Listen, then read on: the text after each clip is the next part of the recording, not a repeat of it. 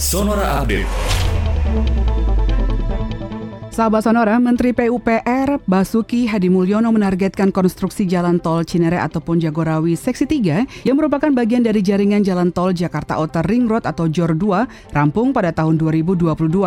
Menurut Basuki, jika pembebasan tanah sudah rampung, maka pembangunan infrastrukturnya bisa jauh lebih cepat. Peletakan batu pertama pada Jumat ini tanggal 28 Mei menandai pekerjaan konstruksi tol Cinere hingga Jagorawi Seksi 3 akan segera dimulai.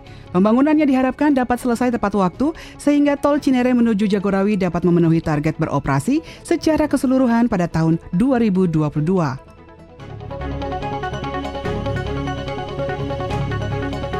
Beralih ke informasi ekonomi, melesat tinggi di awal perdagangan, indeks harga saham gabungan atau IHSG di Bursa Efek Indonesia hanya naik tipis hingga akhir perdagangan sesi 1 Jumat siang.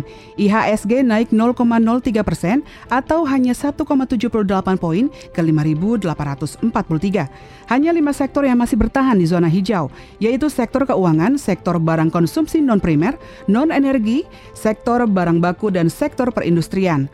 Total volume transaksi bursa mencapai 14,38 miliar saham dengan nilai transaksi 6,74 triliun rupiah. Sebanyak 271 saham turun harga, ada 175 saham yang menguat dan 182 saham flat. Kita ke informasi mancanegara. Salah satu negara bagian di Amerika, California, menawarkan hadiah dengan total nilai 116,5 juta dolar Amerika Serikat atau setara dengan 236,773 miliar dalam bentuk tunai dan kartu hadiah kepada penduduk yang melakukan vaksinasi COVID-19 sebelum 15 Juni. Ini merupakan insentif terbaru yang dilakukan oleh negara bagian Amerika Serikat yang putus asa untuk membujuk warganya yang enggan dan skeptis terhadap vaksin COVID-19.